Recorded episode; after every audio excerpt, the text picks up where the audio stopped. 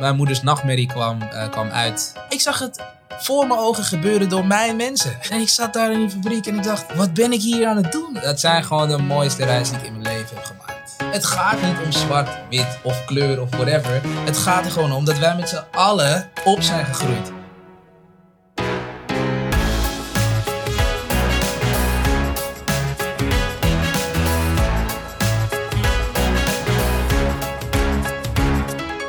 Hey beste luisteraar, welkom bij Young Ones, de podcast en ik jou meeneem langs inspirerende verhalen van jonge ondernemers. Mijn naam is Sander Timmermans en ik ben ondernemer in de muziekindustrie. Nadat ik me van het mbo opweg tot advocaat, balanceerde ik op het randje van een burn-out toen ik inzag dat ik hier niet gelukkig van werd. Reden genoeg om het roer om te gooien en om mijn gevoel achterna te gaan. En mijn gast van vandaag uit mijn brands Daily Paper en het Van Gogh Museum. Het FD riep mij tot meest veelbelovend talent van 2020 en hij maakte onlangs de campagnefilm voor Omroep Zwart. Ik heb het over niemand minder dan filmmaker en regisseur Safi Grauw. En ik spreek met hem onder andere over de impact van het verlies van zijn moeder op zijn leven. Over zijn jeugd die zich op verschillende plekken in de wereld afspeelde. En over zijn Afrikaanse en Surinaamse roots. als jij nou waarde uit deze aflevering haalt, dan zou ik het heel erg waarderen als je wilt abonneren op deze podcast en een review wilt schrijven in Apple Podcasts. Hierdoor weet ik namelijk wat jij van deze podcast vindt en het zorgt ervoor dat de afleveringen bij een groter publiek terechtkomen. Veel plezier! hey Sophie, uh, tof je eindelijk te ontmoeten. Ja, toch? Ik zei je net al, uh, we go maybe back, maar jij weet het alleen niet. Ja. Want ik volg, uh, volg jou al best wel wat jaren. Jeez. Ik heb gisteren even teruggezocht en volgens mij is het ongeveer, I don't know, sure, but rond 2012 dat ik jou op mijn radar kreeg. Lijp. These Caveman ja, heet het platform. en sindsdien volg ik jou op creatief gebied, op gewoon wat je aan het doen bent, hoe je als mens in de wereld staat. Ja. En daarbij heb ik al gevonden dat wij één overeenkomst hebben. Mhm. En dat is dat we allebei de langste schoolroute hebben gevolgd die, uh, die er in principe mogelijk is. Dus wacht, jij ging ook naar de MAVO? Zeker, zeker man. MAVO, HBO. Unie. Echt? Master. En uiteindelijk niet gaan doen waarvoor je gestudeerd hebt. Dus dat is al, uh, al één ding. Sick, sick, Daar gaan we het zo nog wel even over hebben. Ja. Uh, een ander ding wat we niet gemeen hebben is waar we vandaan komen, hoe we zijn opgegroeid. Ja. Ik kom uit een klein dorpje in, in Limburg ergens. Uiteindelijk een keer naar de grote stad gegaan. Ja. Uh, jij bent in Suriname geboren, als ik het goed heb gelezen. Ja, ja, ik ben in Paramaribo geboren. Ja, ja precies. Zeker, zeker, zeker. En uiteindelijk uh, uh, ergens in je jeugd naar Nederland verhuisd, naar de Belmer. Yes, dus vanuit Paramaribo, daar geboren. En op mijn, uit mijn hoofd, vierde, vijfde, daar ergens. Verhuisd naar de Belmer. Daar vier jaar gewoond. En volgens mij op mijn achtste, negende ben ik verhuisd naar Zaandam. En daar ben ik echt getogen. Precies, daar, ben je... ga je in deze podcast waarschijnlijk op een gegeven moment ook al mijn accent horen. Ja, precies. Dat zit er uh, diep ingeworteld. Heus, steun, dat. ja, ja, precies. Herinner je je nog veel uit die tijd daarvoor? Is dat nog een soort van favorite memory? Of hoe, hoe sta je daar? Uh... alles uh, is een favorite memory, man. Stel je voor, hè, je, gaat, je gaat van huizen die vaak niet hoger zijn dan drie hoog. Altijd zon. Mensen die op je lijken, constant om je heen. Ja. Ga je naar... in één vliegrit ga je naar grijze lucht. Allemaal verschillende soorten mensen. Een taal die je nog niet helemaal beheerst, maar vooral flats van 12 hoog. Dus ik ging van een hele kleine belevenis. Ja. Uh, vooral omdat uh, ik woonde bij mijn oma. En ik zat daar tegenover op school. En dat was mijn wereld. En in de Heel middag, klein geboren. Ja, ja, in de middag. Ik heb uh, eh, 34 neefjes en nichtjes. Zaten alle 34 neefjes en nichtjes bij mijn oma dat was mijn leven daar. En op een gegeven moment werd ik daar uitgetrokken en ging ik naar. Ja, ik kwam in de herfst ergens in Nederland. Ik yeah. dat de wolken grijs waren. Je komt uh, in een land met, in plaats van autowegen en dorpswegen, kom je in een land met snelwegen. Uh, een land met treinen. dat, is, dat kende ik ook allemaal niet. Precies, het contrast kon niet groter eigenlijk. Ja, maar ja. het contrast kon echt niet groter. En um, vooral, je gaat naar een land waar, ja, ik spreek wel de taal, ik spreek wel Nederlands. Ik bedoel, Nederland en Suriname hebben een gedeelde geschiedenis. Uh, alleen nu zie je niet uh, zwarte mensen Nederlands spreken, maar je ziet allemaal verschillende types, zie je die taal spreken. En je ziet, ja, die flats. En wij uh, gingen wonen in Hofgeest, Haarbuurt. Ja. ja. Dat was niet de beste buurt om, om te wonen in, in de jaren negentig. Precies, ja, ik heb er wel dingen over gelezen, maar kan je uh, mij en ook luisteraars die denken van ja, ook dingen over gehoord, maar niet over, ja. uh, zeg maar niet zelf geweest. Kan je ons tijdens een meenemen van wat, wat, is dat voor buurt en hoe voelt het om daar dan, dan als jonge, uh, jonge Sofie in dit geval rond te lopen en, en te zijn, zeg maar? Eh, je bedoelt de Bijlmer jaren 90 bedoel je toch? Precies, ja. Nou, Bijlmer jaren 90 eh, is grote flats. En al die flats zijn eh, verbonden met elkaar met iets wat heet een binnenstraat. En die binnenstraat, dat is waar dan in die tijd, want we willen natuurlijk niet, ik ga niet, kijk het beeld wat, wat, eh, wat je schetst van, van wat ik nu schets van de Bijlmer is een beeld van wat het is geweest. Tuurlijk, ja. Vandaag de dag is het gewoon een bruisende plek. A. en een plek waar ik zelf graag ook naar terug wil. B. En een plek waar ik heel veel mensen ken. Maar ja, je kan niet om de feiten heen draaien dat in de jaren negentig was de Bijlmer een, een plek waar A. heel veel verschillende mensen al woonden. Dus dat, de diversiteit was er al. Je had die grote flats, die waren eh, verbonden met elkaar door middel van een binnenstraat. En jammer genoeg, in die binnenstraten lagen vaak junkies te slapen. De lagen, eh, ja, soms, soms vond je er gewoon een hoop scheid in een hoek. Ja, dus ja. het was eigenlijk een, een plek voor zwervers en junks om te slapen. En ja, wat, wat we niet moeten vergeten is dat ik door die binnenstraten heen, van Hofgeest naar langs Hagenveld, langs Hogevecht, naar de Rozenmarkt moest lopen. En daar zat ik op school. En mijn moeder die kon, ehm, die kon mij niet eh, naar school brengen. Mijn vader die werkte toen in een postkantoor en mijn moeder die was lerares op een andere school. Dus die moest om eh, acht uur ergens anders zijn. Mijn vader zat bij het postkantoor, dus die moest om zes uur beginnen. En ik kan me nog heel goed heugen dat mijn moeder ooit tegen mij heeft gezegd... Elke dag bad ik dat jullie niks overkwam. Want ik moest samen met mijn zusje, ik was vijf. Mijn zusje was dan vier, net vier. Ja, Moesten wij met z'n tweeën naar school lopen. precies. Samen handen dan. het, eh, Samen hand in hand. ja, Ehm, de ene dag waren we alleen. De andere dag waren we met mijn zus. Ik heb nog een oudere zus, die is zeven jaar ouder dan ik. En eh, soms waren we gewoon met kinderen uit de buurt. Maar mijn ouders die hebben niet de kans gehad in die tijd om eh, mij en mijn zusje gewoon op school af te zetten. ja, ja. En dat is mijn beeld van de Bijlmer. Want aan de andere kant was de Bijlmer ook in die tijd mensen zorgen voor elkaar. Dus bij ons in de galerij, dat noem je gewoon de galerij. We woonden op vier hoog en dan had je gewoon al die huizen. Ehm, elk huishouden zorgde ook wel voor elkaar. Dus het was ook wel zo dat mijn moeder gesprek had met alle andere mensen uit de galerij. Van hey, heb je hulp nodig? Eh, kan ik op je kinderen passen? Kan ik iets voor je doen? Dus de Bijlmer in de jaren 90 was niet alleen eh, moeilijk op straat. Maar ook was er heel veel saamhorigheid. Juist omdat het zo moeilijk was buiten de deur. Precies, dus mensen vonden elkaar juist binnen eigenlijk wel en, en steunen elkaar. En, ja, als je en- buren ja. had of, eh, of, iets in die, of ook maar iets in die zin, ja, dan zorgde je gewoon voor elkaar. En dat, was, eh, dat waren dingen die ik gewoon mee heb gekregen van, vanuit mijn ouders. En nou ja, mijn moeders nachtmerrie kwam, kwam uit ooit een dag. Er was iemand van het balkon gesprongen. En toen moest zij ons eh, ja, binnenhouden. Ik weet nog zo goed. Shit, ik heb te veel. eh, Ja, ja, ja. ik weet nog, ik weet nog zo goed. Er was een dag en toen mocht ik gewoon niet bij het raam komen van mijn ouders. Mijn moeder werd super boos als we bij het raam kwamen. Dus het was echt een dag, alle gordijnen waren dicht.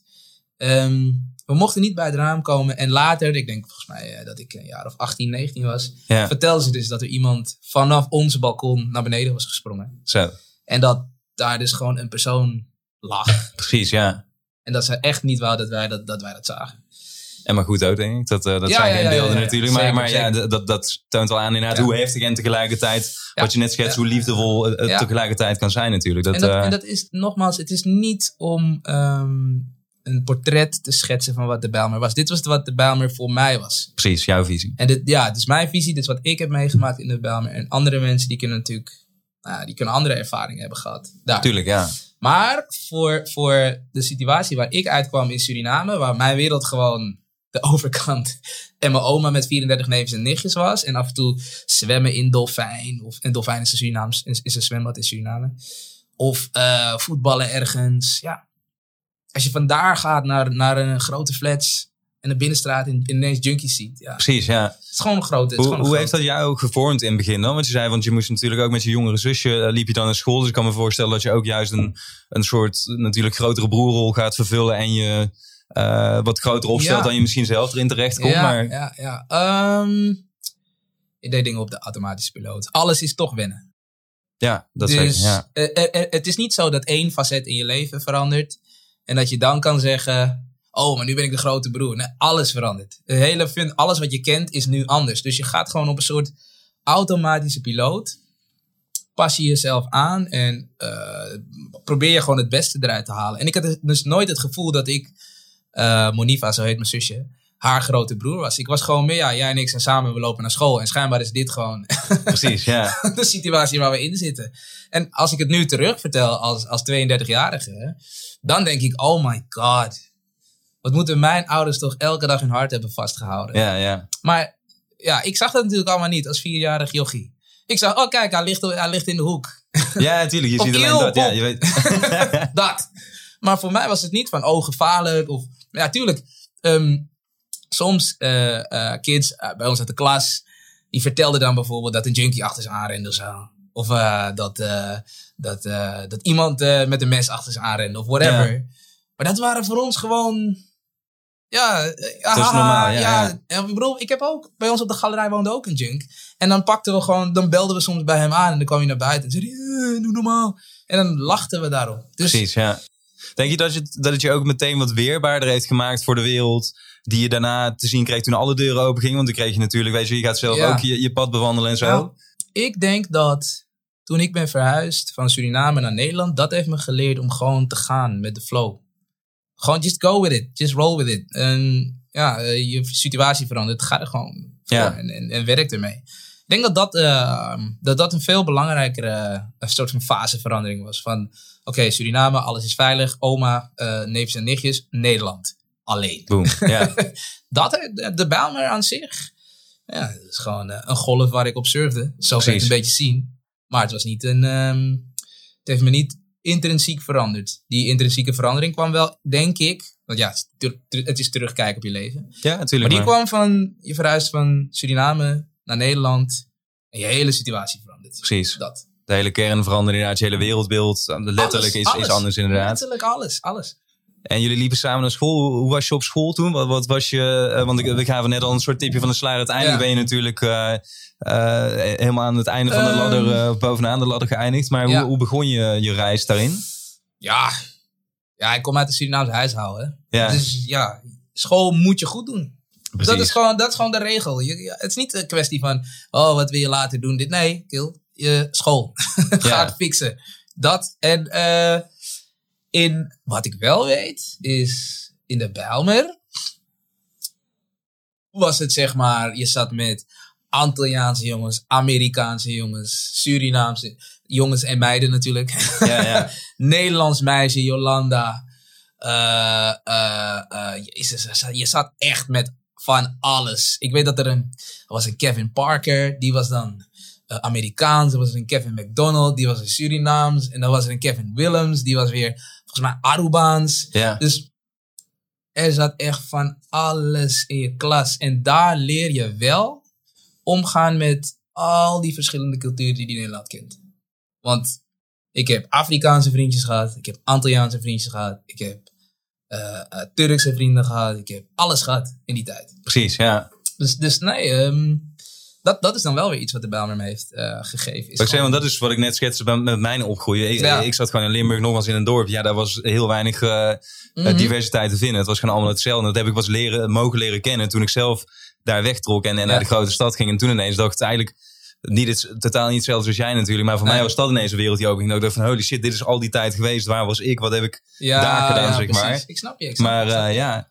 En school zelf, vond je het leuk? Vond je het, want je zei van ja, vanuit thuis was het natuurlijk, eh, je moet school, maar vond je het zelf ook tof? Of dacht je van nou, In die tijd was ik gewoon verliefd op meisjes. ja, ja. School was gewoon een ding waar je naartoe ging. En eh, nogmaals, in een Surinaams huishouden ga je niet zes zijn en een mening hebben over school. nee, natuurlijk, Dan ja. ga je gewoon naar school. Want je moet. Maar vond je het interessant? Zeg maar, was je, was je nieuwsgierig? Was je, eh, of hoe? maar mijn, mijn, ehm, laat me het zo zeggen, mijn fascinatie voor ehm, eh, alles wat ik nu doe, Ja, kwam toen ik eh, acht was. Acht, negen. We hebben het nu nog echt over die tijd dat ik in de Bijlmer zat. ja, natuurlijk, Ja, ja. school was gewoon school. Maar op een gegeven moment eh, was ik oud genoeg om tv-programma's echt te begrijpen.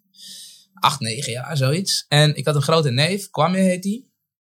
En die, was, die is vijf jaar ouder dan mij, die was dan dertien. En die keek dan naar Discovery Channel, National Geographic, dat soort dingen.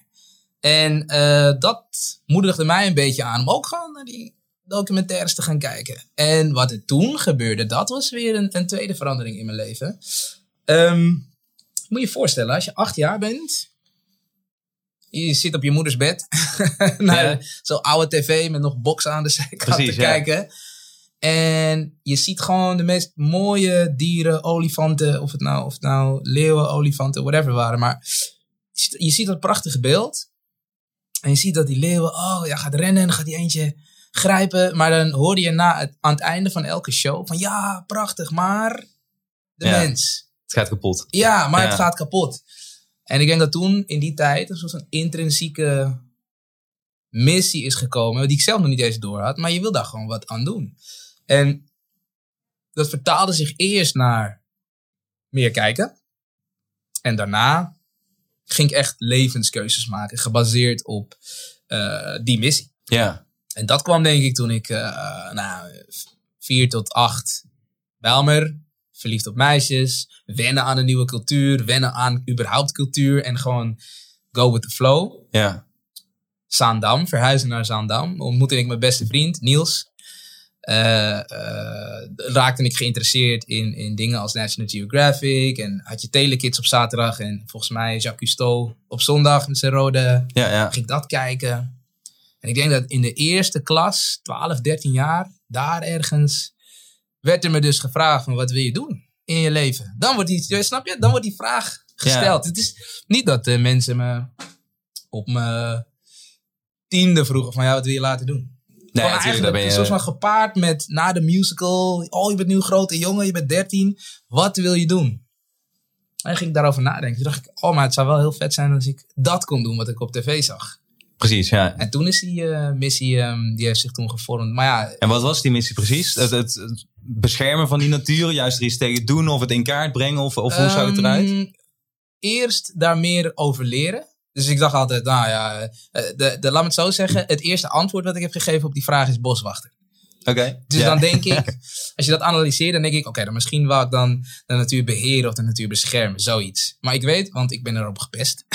Oké. ik zei, ja, ik wil later iets met natuur worden, iets van bos- boswachter of zo. En toen de hele klas, haha, Safi wordt boswachter. Ja. It is what it is. ja, in die tijd waarin iedereen popvoetballer of eh, popster wil Snap worden, is dat natuurlijk... Ja, ja, Snap je? Maar ehm, ja, eh, eh, eh, dat, is, dat was gewoon een soort van, dan ga je jezelf vormen toch? Je, je bedoel, je bent 13, je, je, je, je weet qua gevoel waar je naartoe wil, maar je, je kan nog geen antwoord geven op eh, die vraag. Tuurlijk, ja. Je weet wat je interesseert. Ja. Dat. Maar het grote probleem was eh, dat ik een CITO-toets heb gedaan. En die zei, je mag naar het HAVO-VWO. Maar ik werd gestuurd naar de MAVO. Oké. En, Omdat? eh, Omdat ja, het, mij- ik had concentratieproblemen. Oké. Je, hebt, je hebt heel, je hebt rapport stond, je hebt heel veel fantasie, maar je hebt concentratieproblemen. Dus dat wordt, eh, dat wordt lastig. Nou ja, eh, dat is wat het is. Weet je, mijn ouders die, eh, gingen daar niet tegen in. Maar dan wordt je weg toch langer. Ja, ja. En dan moet je toch ehm, meer laten zien om, om uiteindelijk te komen waar je wil komen. Want ja, boswachter word je ook niet zomaar. Ja, natuurlijk, ja. Dus weet je? En ehm, nou ja, vanaf toen dus eh, MAVO gedaan, MBO gedaan, eh, bachelor gedaan in Environmental Sciences. En vanaf daar Earth Sciences. doen. Precies, ja. En op 75% van die reis dacht ik, somebody kill me. want ik weet niet of dit wat voor mij is, want het is allemaal zo makkelijk en zo simpel. Precies. En daar heb ik geleerd om naast school ook te kijken wat er nog meer is. Want ik werd niet uitgedaagd op school. Maar dat was zelfs op de universiteit zo? Of was dat wel de eerste plek waar je eh, voelde van... nou, hier zou het wel eens kunnen dat ik... eh, Nee man, op de unie dacht ik van, ah, precies, daar, daar was je... aha. Ja, Dus hier is de uitdaging. Ah, kijk, nu moet ik wel gaan studeren. ja. Nu moet ik, en, en, en nu heb ik mensen om me heen die beter zijn dan ik. En Precies, die, dus die- eh, niet, ja, dude, luister dan. Op het MBO en op de HBO, alles was zo relatief makkelijk en relatief simpel. Dat ik eh, gewoon haalde wat ik moest halen, zonder al te veel moeite te doen en dan verder ging. En ehm, nou ja, eh, eh, op de universiteit was dat, kon dat niet meer. Kon niet meer zeggen, oh weet je wat, ik doe het wel, doe het wel even snel. Tuurlijk, nee, Yo, Saf, heb je een projectopdracht al gedaan? We moeten morgen inleveren. Bro, ik kom, ik kom. Ja. Ik fix het nu even snel. Ah, hier. Oh, nice, 7. Top. Ja. Sommige vakken op de universiteit heb ik dat wel gedaan. Maar dat waren gewoon vakken die me echt eh, goed lagen. Zoals eh, sociologie, transition management. Het waren allemaal vakken die een soort van sociaal-maatschappelijke inslag hadden. Precies. En daar had ik gewoon een knobbel voor. Ja, natuurlijk. Dus dan, dan ga je er iets makkelijker doorheen. Maar in Ja, general, ja, inderdaad, daar werd je wel uitgedaagd. En ik heb ergens ook gelezen of, of gehoord. Volgens mij, je hebt ook een tijdje voordat je daar was in de fabriek gewerkt, toch? Nachtdiensten, ploegendiensten. Want dat triggerde ook meteen iets bij mij. Ik heb hetzelfde gehad in een drukkerij. Ja, En jij zei toen, of schreef daar dus iets bij van ja, dat was het moment dat ik voor mezelf wel heb besloten van nou, er zit iets meer in het leven van mij dan dit en in deze omgeving. En ik kan me dat nog zo, er is geen enkele baan geweest in mijn jeugd waar ik echt ben weggelopen en dat ik heb gezegd van jongens, hier is mijn pasje, later. later. En in de drukkerij, dat was het, dat was nachtdienst en er werd weer een of andere domme opmerking gemaakt en ik keek om me heen en ik dacht echt van jongens, weet je, hier heb je de troep, Ja, I'm, going ja. elsewhere. Yo, luister. ehm, dit was voor mij om gewoon die avond te omschrijven. MBO. Ehm, daar leerde je gewoon echt de meest basiswiskunde. De eh, criteria was eh 80% op school aanwezig, 20% mag je thuis. Wat doet Safi Grauw? En ik wil niet aan mensen aanmoedigen om dat ook te doen. Ja. Doe het alsjeblieft niet. Leer en ga naar school en blijf je ding doen. Maar ik draaide dat om. Ik ging 20% was ik op school, 80% was ik thuis. Ja, Gewoon omdat het te makkelijk was. Het was, niet, het was geen uitdaging. En ehm, nou ja, eh, stel je voor. Vrijdagavond werkte ik in een chocoladefabriek. Een fabriek die cacaomassa eh verwerkte. En ehm, nou ja, eh, je zit op vrijdagavond, zit je op drie hoog in een ronkende fabriek die naar cacaomassa stinkt. Die naar chocolade stinkt. Je zit met een aantal procesoperators die zo achterover in hun stoel zitten en een beetje zo naar het scherm loopt te kijken. Zit je gewoon te wachten totdat je een eh, schakelaar mag omhalen die chocola of cacaomassa door een, door een, eh, nou, door, in een bepaald vat ging storten, zodat de vrachtwagen gevuld kon worden. Ja. Dude, ik, eh, die avond, en dat was echt, ik was eh, denk ik 19, zoiets. En dan had je net, eh, weet je dat nog, Blackberry, Ping, ja, natuurlijk. dat. Ja, ja. Dus je had zeg maar ineens contact, live contact met je vrienden. Ja. En die gasten waren op vrijdagavond aan het doen wat die jonge tieners moeten doen. Yo, zo laat, daar en daar en daar, we gaan dit. En ik zat daar in die fabriek en ik dacht, wat ben ik hier aan het doen? ja. Ik ben niet opgestapt. Wat ik wel heb gedaan is, eh, ik ben ehm, eh, naar eh, de leiding gelopen. Er was daar zo'n soort van kamertje. Daar zaten dan alle slimme gasten die zaten bij elkaar. En ik ben daar gaan zitten. En ik heb tegen ze gezegd, ik kan meer dan een schakelaar overhalen. En eh, toen zeiden ze tegen mij, oké, bewijs jezelf maar. En toen ben ik eh, naar de research and development afdeling gelopen in dezelfde fabriek. Ja. En heb ik gezegd, yo, wat kan ik hier doen?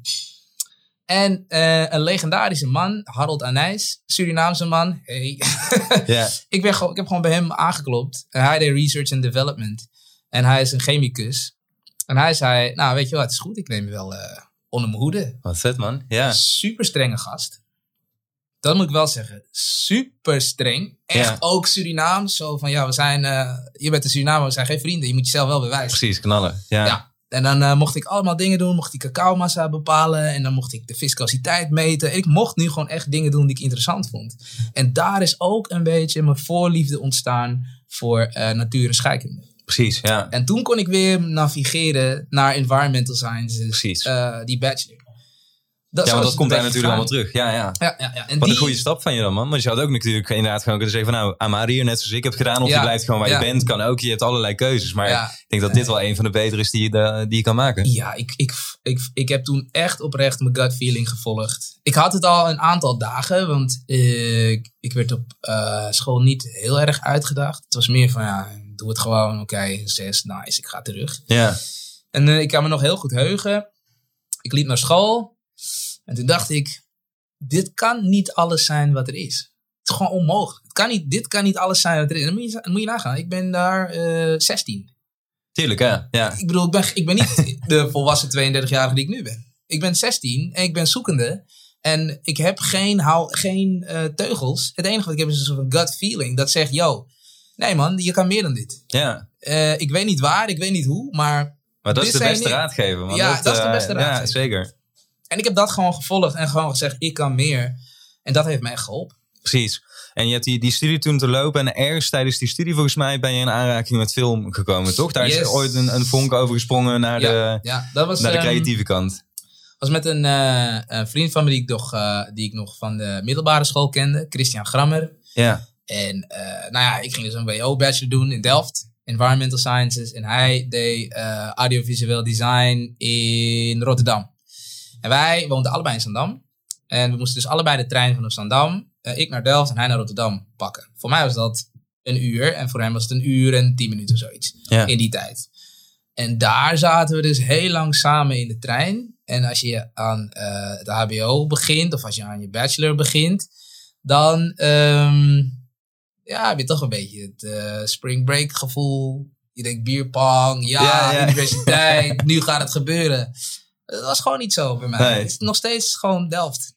Tuurlijk, ja. Want, eh, ja, dit is eh, science en science. Je snap je? Ja. Ehm, dus eh, dat, de gesprekken waren eerst van, yo, wat ga je, you know, wat ga je samen, wat ga je doen? En daarna werden de gesprekken, ja, wat doe je? Wat heb je projecten? Waar ga je naartoe? En hij begon me op een gegeven moment gewoon als model te vragen voor zijn projecten. En daar is eh, ook weer gut feeling, nieuwsgierigheid.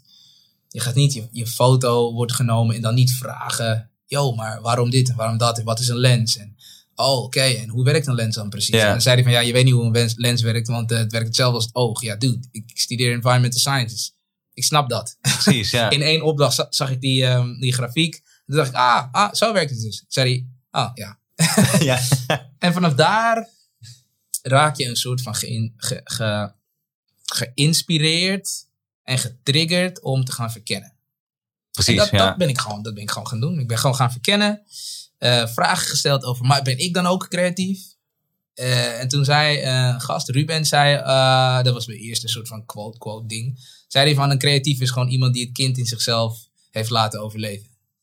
Ik, Ja, oh, man, ja. ja. eh, Fantasie inderdaad. ja. Dat is de, ja. dat is de key. En je moet kind blijven. En je moet blijven spelen en verkennen tegelijkertijd. En dat was een soort van. ehm, ja, weer zo'n nieuw pad. Dus weet je, je gaat, nu gaan we van die. Die, die situatie in die fabriek. Dat is een onderbuikgevoel. Naar iemand die je fotografeert. Dat is ook een onderbuikgevoel. Wat joh, Precies. ga dit even. Ga dit even checken. Wat, Ja. wat het is. Ga het verkennen, joh. En ook een goede, goede beslissing van jou. Of in ieder geval een goede houding. Dat je, wat je zegt, je kan of gewoon voor die camera gaan staan en denken, nou prima, neem een paar foto's Ja. en I'm out of here. Maar je kan ook gewoon inderdaad je interesse erin tonen en gaan verkennen van, oh, wat kan ik hiermee? En waar Ja, zitten hier voor mij de, de mogelijkheden? Ja, ja, ja, ja. En dat is, eh, ja, dat is gewoon wat, wat toen is gebeurd. Dus het is echt wel een route geweest van A, leren vertrouwen op jezelf. ja. B, ehm, niet het gevoel hebben dat je dingen niet kunt. Je hebt het ruggengraat altijd wel. En je, dat vlees dat groeit er wel aan naarmate je het vaker doet. Precies, Dus, ja. dus, dus ga het gewoon doen. Of heb gewoon het lef om iets te vragen. Want dat heb ik ook bij, bij Harold Anijs. Dus nadat ik die grotere opdracht mocht doen in die fabriek. Ja, wat wist ik nou van eh, chemie? Niks. Precies, ja. Die gast heeft me gewoon boeken gegeven. En zei, yo, dit, dit, dit moet je snappen volgende week. Als je het niet begrijpt, ben je eruit.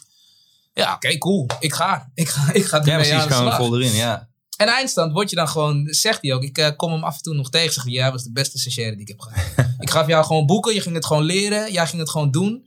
Klaar. Dus Precies, ik, ja. eh, ik denk dat dat een formule is voor iedereen. Je moet meer in jezelf, meer vertrouwen op jezelf. En als, je, en als, je- als iets niet lukt, moet je je niet afvragen of je het wel kan. Maar moet je je gewoon afvragen waarom het niet lukt. Ja, precies. Een kleine aanpassing kan vaak veel veranderen Snap natuurlijk. je? Ja, zeker. Dat is het gewoon. De, de boys van Daily Paper in die tijd, eh, dat- is, het speelt zich een beetje op hetzelfde moment af, toch? Zij gaven jou volgens mij ook wel een hoop inspiratie toch om te zien van, hé, hey, deze kant kan het ook opgaan. Bro, deze guys van niet alleen Daily Paper. Het was een hele kliek jongens. Ja, Waar de jongens van Daily Paper, de jongens van Feeling Pieces, Olaf Hussein, Gunnivoort, precies. Die nu allemaal... Leroy, Leroy Nimel. Je moet je voorstellen, eh, ik, ik, ik, was, ik ging fotografie en eh, film ging ik verkennen. Creativiteit aan zich ging ik verkennen. Ik wist op zich nog niets. Het enige wat ik wist is dat ik het interessant vond om eh, mezelf creatief te uiten op een bepaalde manier. Ik had Pinterest toen de tijd, ik ging dingen pinnen en zo.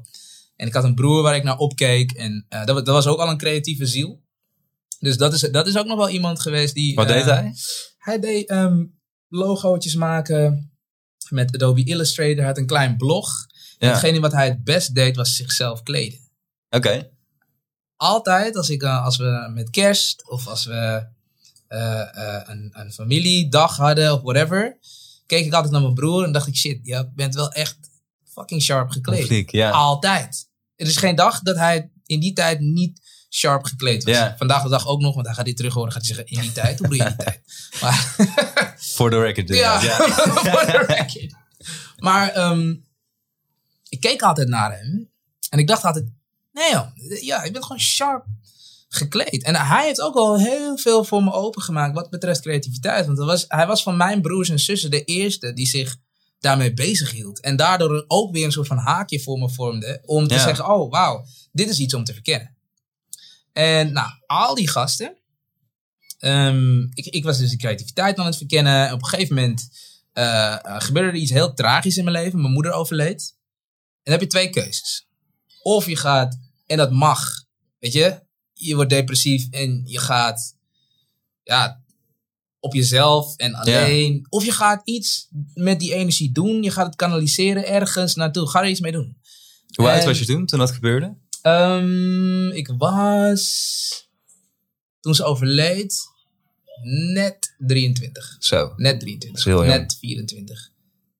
Eh, ik zou 24 worden. Dus ik was 23, ik zou 24 worden. Ja, oké. Ja, heel jong. Ja, echt jong, jong. Maar daarvoor was ik er al mee bezig. Dus mijn moeder wist al, zij heeft zeg maar het begin gezien van mijn creatieve pad. Ze heeft het niet af kunnen zien, helaas. Maar ze zag wel van, oh, maar wacht even, hij is dingen aan het doen. Ja, ja. En dat heeft me een soort van, die ener- iets met die energie doen, heeft ervoor een soort van gezorgd dat, er uiteindelijk een, dat ik uiteindelijk samen met die goede vriend uit de trein een film heb gemaakt. Die film ging wat, voor wat je die tijd kon noemen viral. Tussen haakjes, Ja, weet je wel. ja. En eh, dat bracht mij van een simpele jongen met een idee uit Zandam naar een creatieve jongen eh, die het mag proberen in Amsterdam. Dat. Precies. Ja. En ehm, nou ja, wat er toen eh, gebeurde was, je komt in Amsterdam. En mind you, ik ben een jongen van kleur. Eh, in die hele creatieve wereld had ik geen andere mensen van kleur nog gezien. Ja. En nu zie ik een groep dudes die jonger is dan ik. Een jaartje, maar jonger is dan ik. die fucking toffe dingen doen. Ik volgde hun blog al, dus ik wist wel al dat ze bestonden. Ja, ja. Maar nu zie je ze. En nu zie je ze hun dingen doen. En dan denk je, yo, maar deze guys hadden bij mij in de flat kunnen wonen, man. Zeker, ja. Ik, eh, ik ben geen haar slechter dan zij. Dus als zij het kunnen laten lukken voor wat, voor wat zij willen, dan moet ik het ook. Dan moet dat voor mij er ook gewoon wel in zitten. Het is niet een soort van ver van je bed show. Je zag het voor, voor je ogen gebeuren natuurlijk, ja. Ik zeg het voor Ja. me, maar ik zag het voor mijn ogen gebeuren door mijn mensen. Precies, ja. Dus dat, is, dat was voor mij wel echt. En ik heb die jongens toen ook. eh, nou, ik heb die Caveman film gemaakt. En toen heb ik ze ook gewoon meteen berichtjes gestuurd van: Yo, kunnen we samen iets doen? En toen hadden ze me kleding geleend om een film te maken. En dat was voor mij ook weer een soort van belangrijke boost. Een belangrijk moment. Omdat je wordt geaccepteerd door de guys waar je naar kijkt. En denkt: Yo, zij doen het. En zij geven mij kleding om mijn shit te doen. Precies, ja. En natuurlijk, in die tijd. ehm je Had je anders dan, want, want je zegt van ik zag hun het doen, dus dat gaf mij het vertrouwen en het geloof in ieder geval dat het kon. Maar had Ja. je het anders zeg maar niet, niet gedacht, zeg maar? Want je zei aan de andere kant was je best wel, ik- niet brutaal, maar je was wel een doener en je ging overal vol in. Dus anders, had dan, je het wel, anders had je het wel gedaan. Maar je hebt weer een ja. haakje. Precies, Je ja. hebt weer een haakje van, oh shit. Weet je, net als bij mijn broer. Van, oh, mijn broer is creatief Ja, en scherp tuurlijk, ja. en hij heeft zijn eigen ding. Oh, misschien moet ik dat ook gaan herkennen. Gaan verkennen. En, en bij hun was het weer van, oh, maar nu zie ik mijn eigen mensen dat ook doen. Dus ik ben niet de enige die, eh, die een soort van deze reis aflegt. Ja, ja. En natuurlijk, in die tijd, je bent jong. Je moeder is net overleden. Dus je hebt een onwijze soort van prestatiedrang. Van, ook al heb ik het meest tragische wat eh, kan gebeuren, is het verliezen van een van je ouders. Ook al is dat mij overkomen, ik ga er gewoon voor en ik ga gewoon laten zien dat ik, ondanks dat allemaal, gewoon iets kan doen. nou, wat ja. gebeurde er in mijn achterhoofd? Knopje ging om. Je gaat gewoon, ja, dit wordt het. Dit is het, dit is het, dit is het, dit is het. En ik deed dus en een WO-bachelor, of een, en een bachelor. Niet een WO-bachelor, maar dat is gewoon HBO-niveau. Ja, en een ja. bachelor, en dat. Ging gewoon met elkaar combineren. En ik, had- ik was ehm, in die tijd tegelijkertijd ook nog eens deed ik ehm, wedstrijd karate op een redelijk hoog niveau. Oké. Dus ik was gewoon een soort van volledig in bedrijf. En ik denk dat het, het spel tussen bijna niet topsport, maar wel echt heel hoog. Ehm, ik bedoel, sommige topsporters die heb ik nog zelfs verslagen. Ja. Maar die mentaliteit, gecombineerd met het verlies van een moeder, gecombineerd met nieuwsgierigheid. Dat was een soort van mijn Gouden, gouden combi. ja, dat was mijn combinatie. Van, yo, topsport was bek dicht, poetsen, doorgaan. Eh, mijn moeder verliezen was, hey, bewijs jezelf en wees niet bang, want het leven is kort. Ja. En die nieuwsgierigheid was, wat als? Oh, maar wat als ik dan dit doe? Wat als ik dan dat doe? En die drie dingen, denk ik dat voor mij een soort van ehm, ja, combinatie was van dingen die, die dan eigenlijk, eh, ja, je, ja, het verlies van ouders zou eigenlijk moeten betekenen dat je kapot gaat. Nou, ik wil net zeggen, is er wel een periode toen geweest, heb je het de kans gegeven om daar stil te staan? Ja, dus ja, man. precies. Dus niet dat je meteen gewoon... Nee, nee, nee. nee, nee. Ja. Ik heb zeker ehm, een jaar met mijn hart onder de arm gelopen. Ja, ik, ja. Ik, ik keek soms naar mijn ledematen en ik dacht, dit zijn maar gewoon ledematen. Ik ben maar gewoon een hoopje biologie. Tot dat niveau ben ik zeg maar op een gegeven moment gezakt. Van, ik ben maar een hoopje biologie en ik besta. Dat Ja. is het. En tegelijkertijd kreeg ik van alle hoeken, van al mijn vrienden, al mijn mensen die ehm, lieten juist zien dat ik niet maar een hoopje biologie was. En dat het leven niet maar een hoopje biologie was, maar veel meer dan dat. Precies. Dus het is niet zo dat ik in mijn eentje eh, eh, zei: Oh nee, ik ben Superman en ik vlieg. Al die mensen achter me, en trust me, dat zijn er echt enorm veel. Die hebben me ook echt zo Precies, weer, eh, weer opgetild. Ja, En, ja. van vriendinnen die, die bij me thuis kwamen, gewoon random. En dan gewoon kwamen zitten, schoonmaken en dan naar huis gingen. Tot mensen die zeiden, yo, kom we gaan eh, daar en daar en daar heen. Ja. Tot al mijn vrienden die bij elkaar kwamen. Dat is echt wel een mooie, Wat mooie bijzonder, periode. man. Ja. Er gebeurde wel echt onwijs veel in mijn leven. In die, in die korte eh, twee jaar, van 23 tot 26. Er zijn heel veel dingen zijn er eh, in mijn leven gebeurd die me echt hebben gevormd tot wie ik ben. Precies, ja. Ja. Vind je, het, eh, vind je het jammer dat, dat je maar, want nu ben je natuurlijk, eh, doe je het beter dan ooit om het zo te zeggen. In ieder geval qua, qua werk en carrière en Ja, zo. ja, ja. Eh, dat is natuurlijk niet alles, dus dat moeten we ook eh, niet vergeten. Maar vind je het jammer dat ze dat niet heeft gezien? Of zeg je van nee, want ze zag wel dat ik gewoon goed op weg was. Dus, dus het is al... Eh, ik denk dat eh, mijn moeder, wat niet, maakt niet uit wat ik had gedaan, had ze wel van me gehouden. Tuurlijk, ja. Ze had het niet hoeven te zien. Of, of, ik nou, of ik nou een wetenschapper was geweest, of ik nou eh, in die fabriek had gewerkt, maakte haar helemaal niet uit. Ik was haar, ja, ze noemde mij haar prins. En dat zal ik, al- of, of ik nou eh, hoog of laag spring, dat maakt niet uit.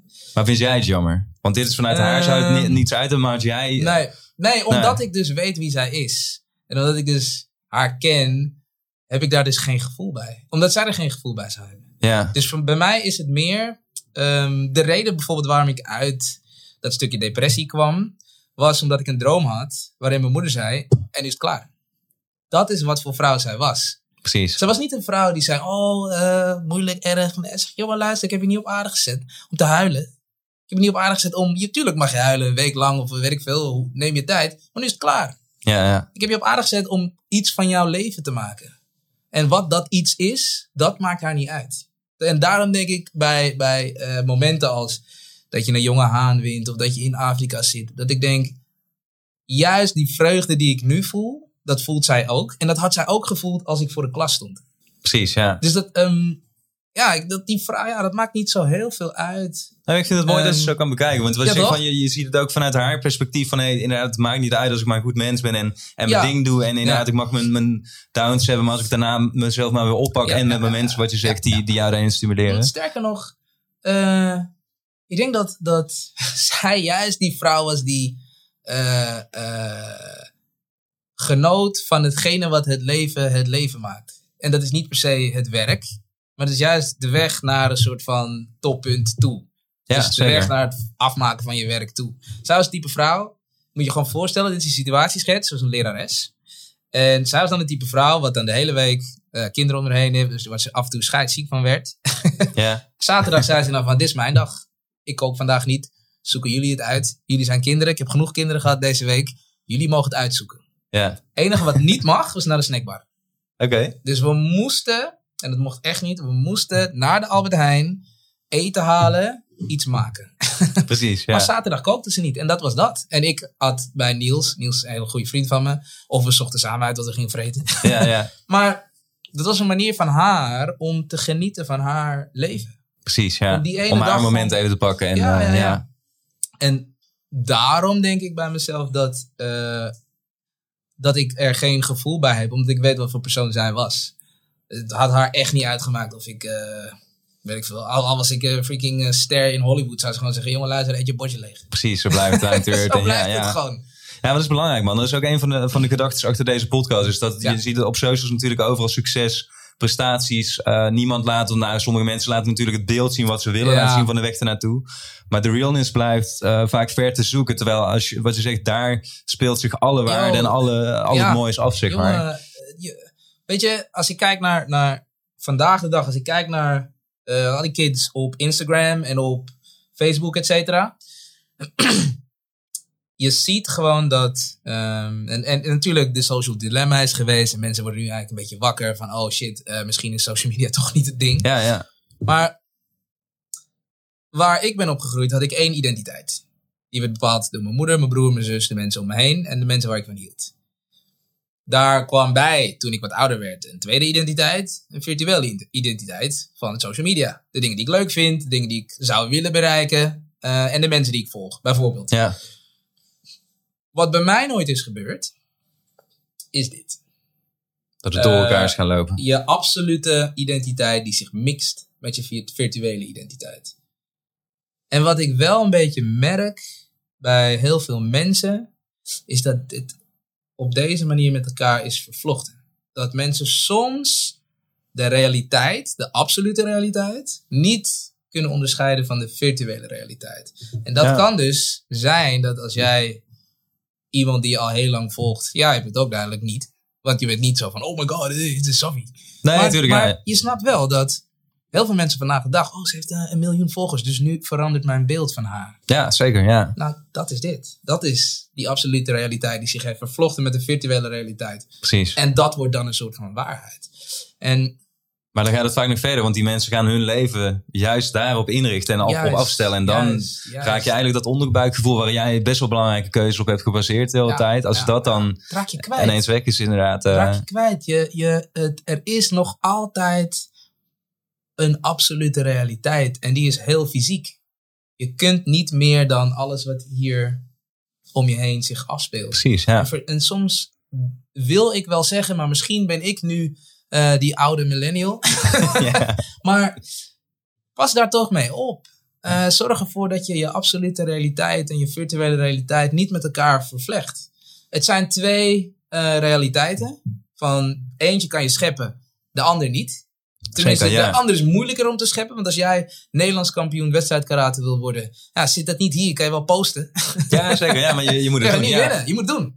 En ik denk dat, ehm, eh, omdat die virtuele realiteit zo prestatiegericht is, dat het soms een snellere weg is om gewoon dingen te posten. Oh, kijk, ik ben geweldig, et cetera. En dan blijft je absolute realiteit blijft achter. Precies, ja. Oh, posten, oh, ik ben Nederlands kampioen, ik ben hard aan het trainen, haha. Maar nooit die kampioen daadwerkelijk worden. ja. En van binnen ook je zo voelen, inderdaad. Ja, en je van binnen ook zo voelen. Dus dat is iets wat ik ehm, als oude millennial, misschien zijn er nu wel mensen die denken, ja, ja, ja, is goed, je bent oud, grap. Nou, maar ja, goed, Anyway, ik, ik denk dat jij nog steeds nog, nog super dicht juist bij de jeugd staat. En Ja, daarom, ja, dat denk ik van mezelf ook. En juist vanuit die positie dat je nog niet eh, als eh 50 jaar miljonair boven je toren zi- zit. Ik, leg maar zo uit, weet je, maar dat je dichterbij staat en kan zeggen van nee, ik ben nog niet zo ver verwijderd van waar jullie zijn. Maar ik zie nu al dat als je dit niet doet, dan kan dit gebeuren. Precies, Ga precies. je, hou, hou, hou die mentaliteit alsjeblieft vast. En vergeet alsjeblieft niet dat je virtuele realiteit en je abso- absolute realiteit echt twee hele verschillende dingen zijn. En natuurlijk, social media is en blijft altijd een tool. Tuurlijk, is ja. Het is, maar dat is, dat. het- ja, het is niet meer of minder dan dat. je. Het, is een tool en ja. minder dan dat. En dat is, ehm, nou ja, dat is, dat is iets waar ik eh, altijd al zelf al in heb geloofd. Dus ik heb nooit eh, echt op social media dingen gedaan. Mijn social media volgde eigenlijk gewoon wat ik in het echte leven Precies, ja. Dat Zijn kwam er erachteraan mensen- in plaats van andersom. Dat je gaat richten naar je... ja, Ja, ja, ja, ja. En daarom zal ik ook nooit eh, heel flabbergasted zijn van mensen. Omdat ik altijd denk, ook jij hebt gevoelens, ook jij hebt een moeder en een vader gehad. Eh, zoveel verschillen we niet. Behalve misschien eh, als je, eh, weet ik veel, eh 300 miljoen levens hebt gered. Precies, ja. Dan zou ik alleen Nee, maar maar ja, denken, ja. oh wauw, wauw. En dan nog steeds moet je je bordje leeg eten. Precies. Net uh, do what mama said. Ja. Snap je? Hey, je had het net over een, over een tool om, om dingen te bereiken als social media zijnde. Als ik naar jouw eh, journey als creatief kijk, dan zie ik het ook dat jij je creativiteit en video hebt gebruikt als een tool om ook je eigen heritage een soort van te ontdekken. Ja. Om op die reis te gaan. Want je bent natuurlijk, wat jij in Suriname geboren, maar je geschiedenis gaat terug in de tijd verder dan dat. Zeker, zeker, Ehm, zeker, zeker. ik heb die documentaires ook gezien. Ik vind ze heel ontzettend tof, ontzettend mooi. Thank you. Ehm, eh, hoe was die reis voor jou zelf? Zeg maar, wat, wat, eh, want je bent eh, best wel vaak in Afrika geweest, ja, heb ik ook gelezen. Maar Man, man, man, die reis, jongen. Ik denk dat, dat, is gewoon, dat zijn gewoon de mooiste reizen die ik in mijn leven heb gemaakt. Ik kan, je- ik kan me nog heugen. Ik was in Tanzania. Eh, dat was eh 2018. Zeg ik het goed? 2017 of 2018? Ja, ja. Twee. ik, ik kwam daar en ik ben een Surinaamse jongen. Ik, ik, mijn, ehm, mijn, eh, mijn, mijn geboorteplaats ligt aan de overkant van de Atlantische Oceaan. Ik kom daar eh, samen met de mensen van Just Dig It, met Wessel. En eh, we zitten in een dorp. het is die documentaire die jullie over Maasai gingen maken, toch? Nee, Of die- dit is de- over de boeren in, eh, Oh, oké, in eh. Tanzania. Eh Tanzanian Story heet die. Alright, ja. kom in een dorp en de mensen beginnen eh, muziek te spelen. Maar precies dezelfde ritmes als die je in Suriname hebt. Dus voor mij was dat een soort van knooppunt. En niet een knooppunt uit een verhaal wat je dan maar moet geloven, maar een knooppunt wat je voelt.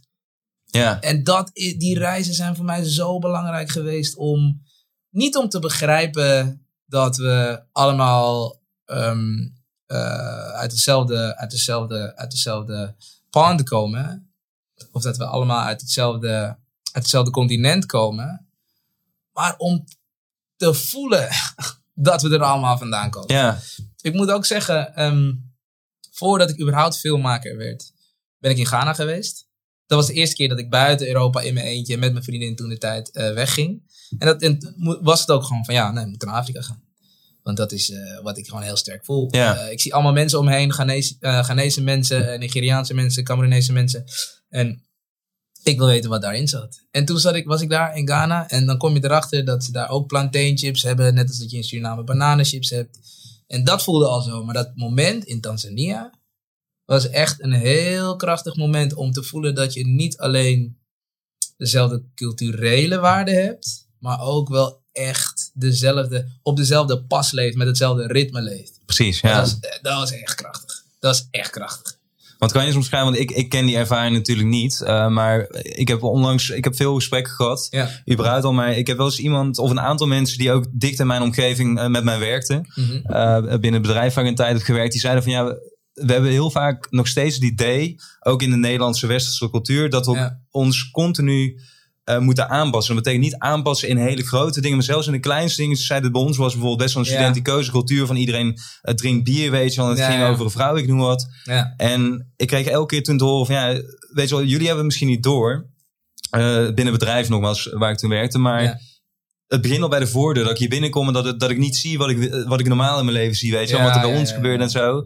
En dat heeft me toen zo aan het denken gezet. Dat ik ineens dacht van hé, hey, er zitten nog zoveel meer diepere lagen in. Mhm. Eh, alleen nogmaals, eh, vanuit mijn perspectief gesproken, jongetje Limmersdorp opgesproken, Ja. heb je dat niet. Ehm, Oké, dit, dit, is hoe ik, dit is hoe ik daarover denk. Hè? Ja, Er is institutioneel racisme. Daar zijn we allemaal mee ja, eens. punt. Ja, daar, ja. Toch? Ehm, iemand die eh, bijvoorbeeld eh, eh, Surinaams is en inderdaad in Ne- of hier in Nederland iets niet ziet wat hij gewend is, hij ziet niet zijn eigen mensen, fine, dat mag. Belangrijker nog is eigenlijk dat ehm, de, men, de, laten we zeggen, de Nederlandse geschiedenisboeken, de, daar staat de geschiedenis die men heeft met bijvoorbeeld Suriname, met, bijvoorbeeld met Oost-Indië, die staat er niet goed in. Nee, is dat vanuit. Beschreven. Ja. Dus wat krijg je? Een persoon die uit een van die landen komt, die komt in een kamer met allemaal witte mensen.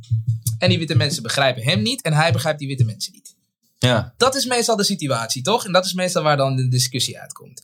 En nu moeten we even teruggaan naar eh, de basisschool. als jij als wit persoon niet krijgt hoe jouw geschiedenis echt in elkaar zit, dan krijg je ook niet de kans om de andere persoon te begrijpen.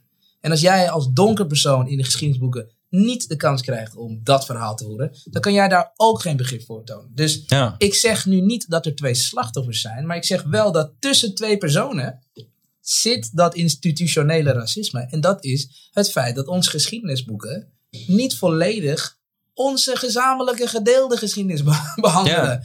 Ik ben geboren aan de andere kant van de oceaan en ik heb Nederlands geleerd. Precies, ja.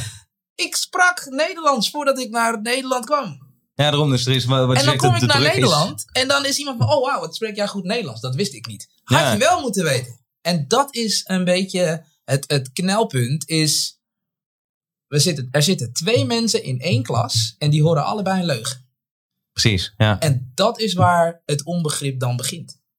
Weet je? We Ja, je basis is al compleet, Dat- ja, compleet verpest. Ja. Precies, precies. En ik zeg dus niet, ik zeg niet dat er twee slachtoffers zijn, maar eigenlijk Nou, als goed, ja. jij niet hoort wat je geschiedenis is en ik niet hoor wat mijn geschiedenis is en jij moet van je moeder horen wat je geschiedenis is en ik moet van mijn vader horen, dan krijg ik een eenzijdig verhaal en jij een eenzijdig verhaal. En dan kom ik bij mij op werk en dan snap ik jou niet en snap jij mij niet. Precies, ja. Nou, dat is, dat is wat mij betreft de crux. Is als wij, toen wij eh, zes waren, hadden we allebei in dezelfde klas moeten zitten en hadden we allebei moeten leren, hey, jullie relatie met elkaar gaat way back. Precies. But you don't know. Ja. Because you don't get told. Dat, dat is het hele ding, ja. Dat is waar onbegrip uit vandaan komt. Dat is waarom mensen elkaar niet begrijpen. En dat is waarom men denkt dat bijvoorbeeld de tradities die we in Nederland hebben eh, vastgehouden moeten worden, ja of nee. Omdat andere mensen daar geen zeg in zouden moeten hebben. Maar wij zijn al zo lang zijn we in elkaar vervlochten. Precies, ja. Onze geschiedenis is al zo lang in elkaar vervlochten. Dat iemand aan de andere kant van de oceaan geboren wordt met Nederlands als moedertaal. ja. Ik. Maar precies wat je zegt, als die mensen dat niet begrijpen, dat dat überhaupt zo is en waarom het zo is. Juist, juist. En, en dat is denk ik ook wel, ik vind dat een mooie ontwikkeling om die brug te slaan. Want ook om het even duidelijk te maken, je hebt natuurlijk ook de campagnefilm voor Omroep Zwart eh, mogen maken. Ja, ja, ja, ja. Eh, waarvoor hulde, want ik vond hem fantastisch mooi. Ja. Ehm, en daarbij dacht ik ook meteen van, je ziet, zeg maar, weet je wel, tien jaar geleden kon je misschien zeggen, ja, het is me niet verteld, ik wist het niet en zo. Maar Ja, er is ja. nu zoveel moois op gang aan het komen. Ja.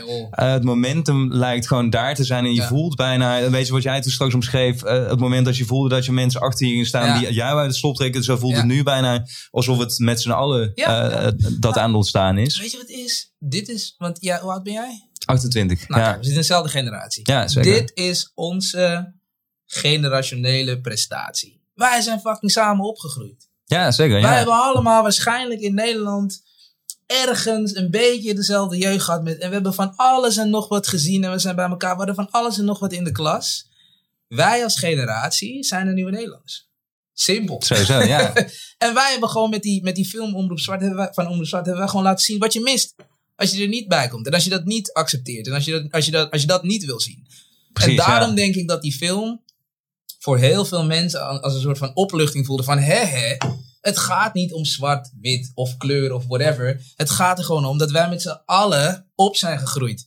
Iedereen, tenminste dat denk ik, iedereen als jij een avond goed gesopen hebt en je bent in Amsterdam. Wat ga je doen? Zwarma eten. ja.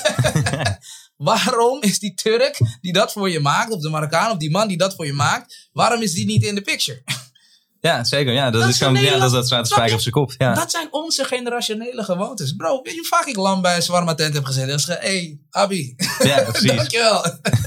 en dat is eh, wat omroep zwart is. Het gaat niet om zwart, wit of whatever. Waar het om gaat, is onze generatie mensen is samen opgegroeid. En dat zien we niet terug in dat Nederlandse landschap. En we maken dan een film die voor ons heel logisch is. Maar voor heel veel mensen Ja. denken, hey shit, zo voelde ik me. Maar dat is ook, dat is ook het aparte toch? Dat, dat, ehm, hoe zeg je dat? Je, je hoort veel mensen dan nog zeggen, ja, maar hoe, hoe bedoel je dat dan? Want er is op tv toch genoeg diversiteit aan de hand. Maar dat is juist denk ik het verwrongen beeld wat er vanuit een hoop hoeken van het land Ja, misschien nog komt. ja. Die nog niet het volledige beeld hebben omarmd of willen omarmen. Ja, weet je wat Maar- het is? Ga ik weer. Ja, Het is, als we hebben over diversiteit. Diversiteit is niet een lijstje afvinken met eh, etniciteiten die je hebt gehad. zeker, ja. Diversiteit is de wereld rondgaan iedereen zien, alles proeven. En op basis daarvan wordt jouw wereldbeeld wat het moet zijn. Dat is wat diversiteit is. Het gaat er niet om dat we één zwarte nieuwslezeres hebben. Het gaat erom dat we een zwart hebben, een Roemeense en whatever. En dan dat de manier waarop het nieuws gepresenteerd wordt vanuit al hun perspectieven gezien wordt. Zeker, ja. Politiek hetzelfde natuurlijk. Ja, ja. En, en om eerlijk te zijn, uh, als je denkt aan globalisatie, de wereld wordt een dorp. Basically, door het internet. Uh, krijgen we ook veel meer smaken en geuren en kleuren krijgen we binnen. En trust, wij zijn een internetgeneratie. Dus daarom voelt dit, dit als een soort opluchting van, yo, um, wij zijn met z'n allen opgegroeid. We hebben de kans gekregen om dingen te onderzoeken en dingen te zien. En eindelijk is er dan een omroep die zegt, hé, hey, uh, het gaat hier niet om kleur. Het gaat om, wij zijn met z'n allen opgegroeid. En dit is wat diversiteit is. Het is niet een lijstje wat je moet afvinken. Ja. Het is alle smaken die je hebt geproefd in het leven. Nogmaals, je gaat toch niet elk jaar terug naar Spanje, naar Mallorca? Nee, precies, maar je weet wel dat er is inderdaad. Je maar weet daar, dat er is. Maar daar gaat het denk ik wel vaak mis in bij mensen. En daar, daardoor wilde je dat net ook vragen van, zie je het ook?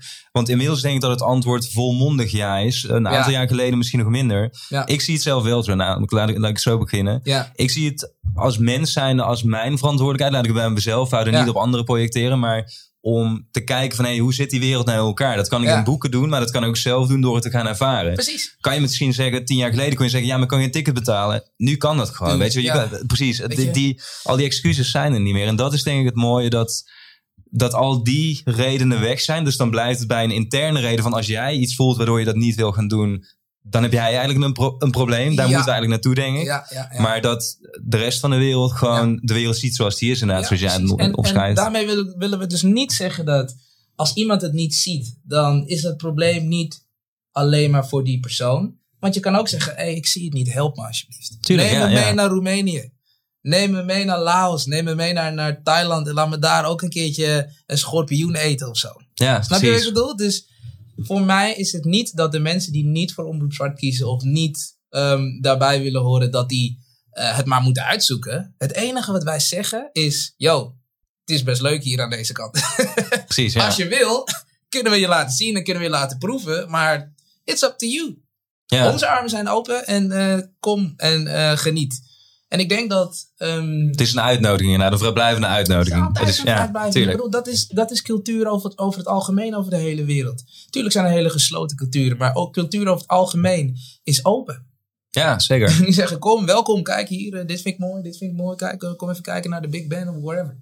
En ik denk dat Omroep Zwart gewoon datzelfde geluid geeft. En daarom denk ik ook dat zoveel mensen nu zich daarachter scharen en zeggen: Ja, het is helemaal niet uh, een ding wat gaat over uh, uh, elkaar. Verder, het is helemaal niet een ding wat polariseert. Het is juist een ding wat laat zien hoe een hele generatie Nederlanders met elkaar is opgegroeid. Precies, ja. En dat, bedoel, dat, dat, dat is ook diversiteit. En jij die zegt van, joh, ja, inderdaad, uh, shit ik kan nu ook gewoon uh, nou, maar, gaan nee, kijken en maar, gaan zoeken. Maar wat je net noemt, want jij, jij, zit natuurlijk ook in een wereld waarin marketing en, brands en weet je wel, alles speelt. En ik zie dat bij heel veel dingen hoor. Niet totaal niet alleen maar bij, bij, uh, bij welke kleur je ziet of welke etniciteit, maar bij alles dat het ook wel heel makkelijk is natuurlijk op een gegeven moment als je denkt van oh dit scoort het marketinggebied. Dat is hetzelfde nu met vrouwen die, die wat meer body positive zijn. Alleen als je dan weer teruggaat naar de body positive beweging zie je ook weer waar het vandaan komt. Dus het wordt op een duur een soort marketingtruc. Ja, ja, um, en dan raken dingen waar we het net over hadden ook weer vervlochten met elkaar. en gaat heel veel door elkaar lopen waarin de uh, de oprechtheid inderdaad van, van boodschappen en van bewegingen en activiteiten van bepaalde merken en ondernemingen uh, heel erg discutabel wordt, denk ik. Ja, zeker. En, dat, is, dat is omdat wij een generatie zijn die gewoon ook puurheid zoekt. Zeker, ja. En dat, dat siert de generatie hoor. Want ik ben daar heel blij mee. Want als je dat niet had gehad. En dat is natuurlijk ook waarom dat bijvoorbeeld mensen dit luisteren. Omdat ze willen weten van oh, waar zit die, die echtheid inderdaad die mensen verbindt. En dat zijn geen uh, snelle marketingteksten. die echtheid die mensen verbindt zit in een voetbalteam het zit in kapot gaan in Amsterdam en daarna shawarma eten. Wij hebben als generatie zoveel. Dat hebben we soms niet door, maar wij, wij bouwen dus ook onze eigen gewoontes. En wat ik zeg, het, is een voorbeeld natuurlijk. het shawarma ja, ja, natuurlijk, ja. Maar het is wel degelijk een gewoonte. Want ik durf te zeggen dat zeker 7 van de 10 Nederlanders, als, als ze in Amsterdam iets gedronken hebben, dat ze denken: mm. Precies. Dinnertje, Turkse pizza, kapsalonnetje, gaat er wel in. Ja, zeker. Dat is een gewoonte. En dat is cultuur. Dat is waar een nieuwe soort cultuur begint.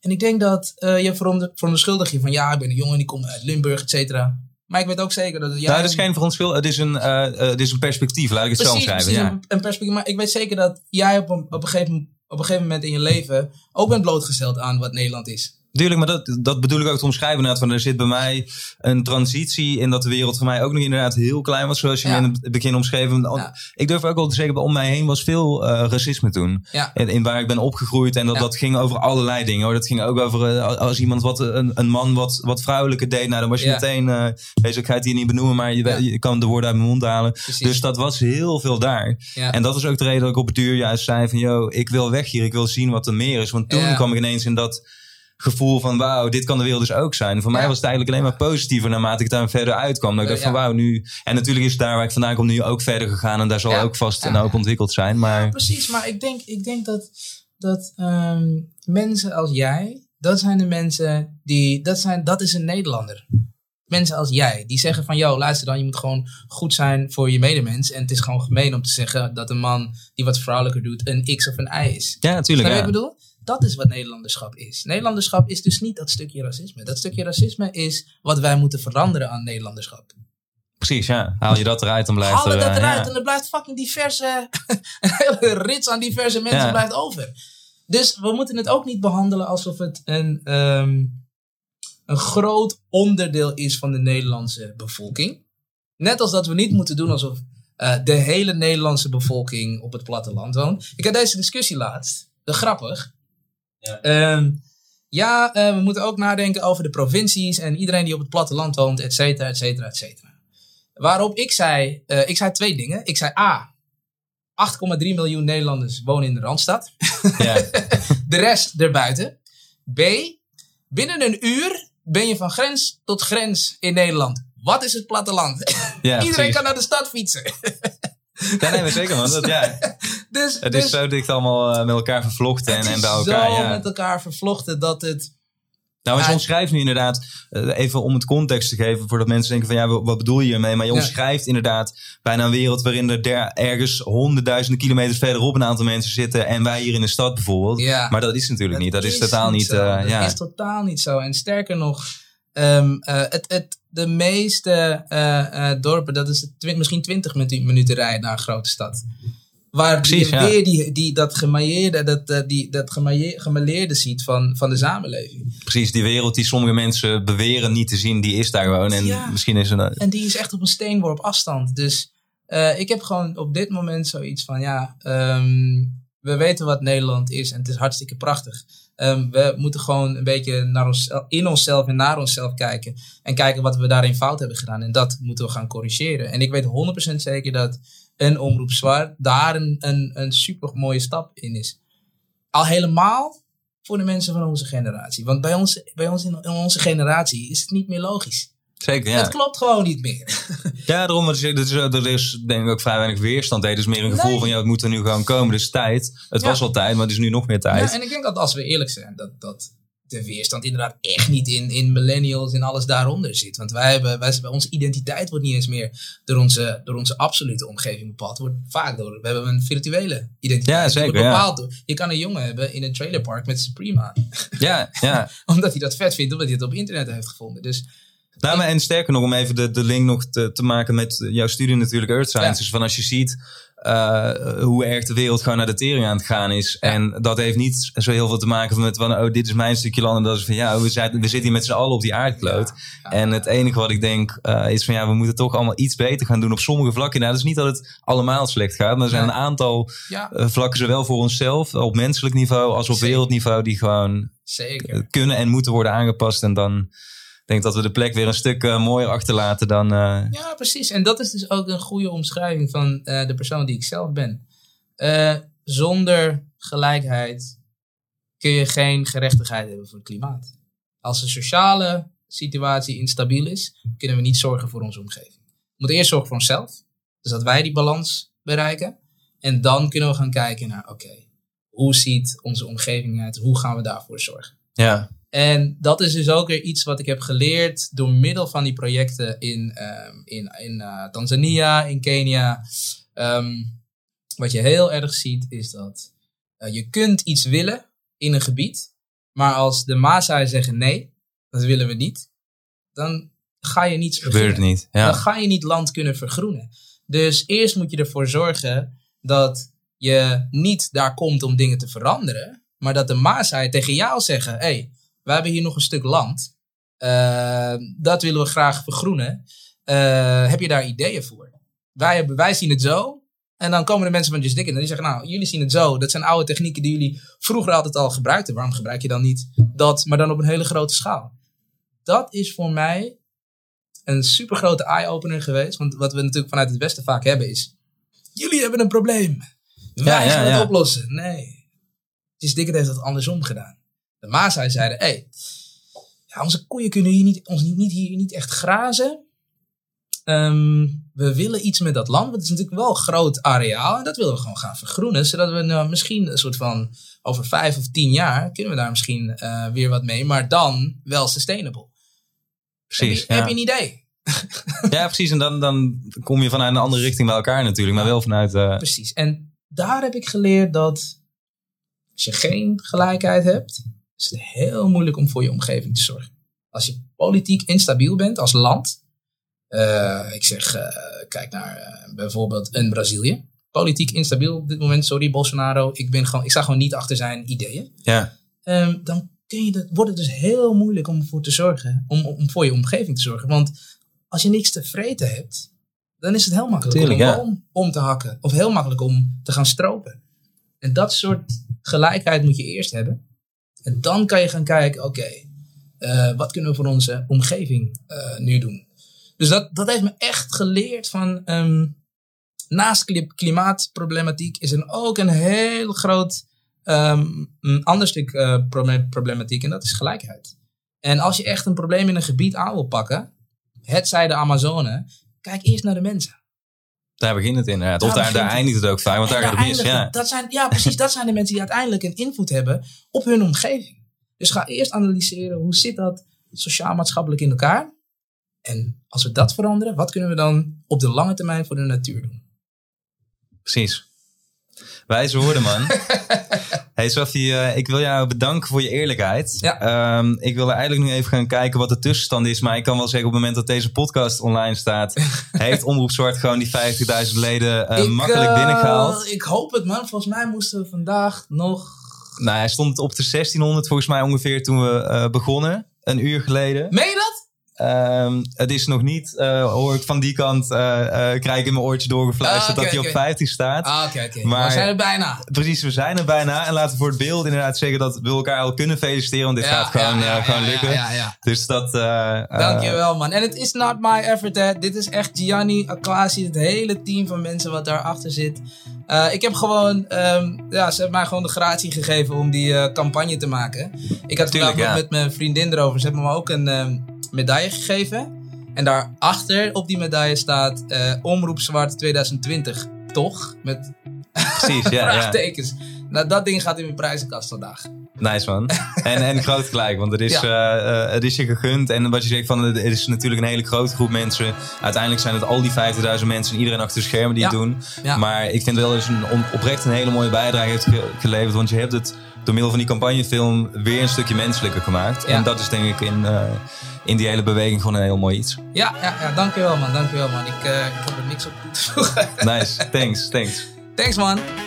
Yes, thanks dat je er was en luisterde naar deze inspirerende aflevering met Safi. Ik bewonder de manier waarop hij in het leven staat en de reis die hij heeft afgelegd om te komen waar hij nu staat. En zoals hij zelf al aangaf, was het vertrouwen op zijn gut feeling daarbij een heel belangrijk element. En in de volgende aflevering praat ik met brein-expert Charlotte Labé, die ons alles gaat vertellen over hoe je een burn-out kan voorkomen en goed voor je mentale gezondheid kan zorgen. Het percentage van mensen met mentale klachten loopt jaarlijks op en ook juist voor ondernemers is het heel erg belangrijk om hier actief mee bezig te zijn. En wil je nou eens eerst op de hoogte zijn van deze aflevering, dan kan je abonneren op deze podcast via het platform waarop jij het liefst luistert. En ik zou het heel erg fijn vinden als je mij wilt laten weten wat je van deze podcast vindt. Wat je kan doen door een reactie te laten op socials, de podcast, en door een beoordeling te schrijven in Apple Podcasts. Dus laat van je horen en tot de volgende aflevering.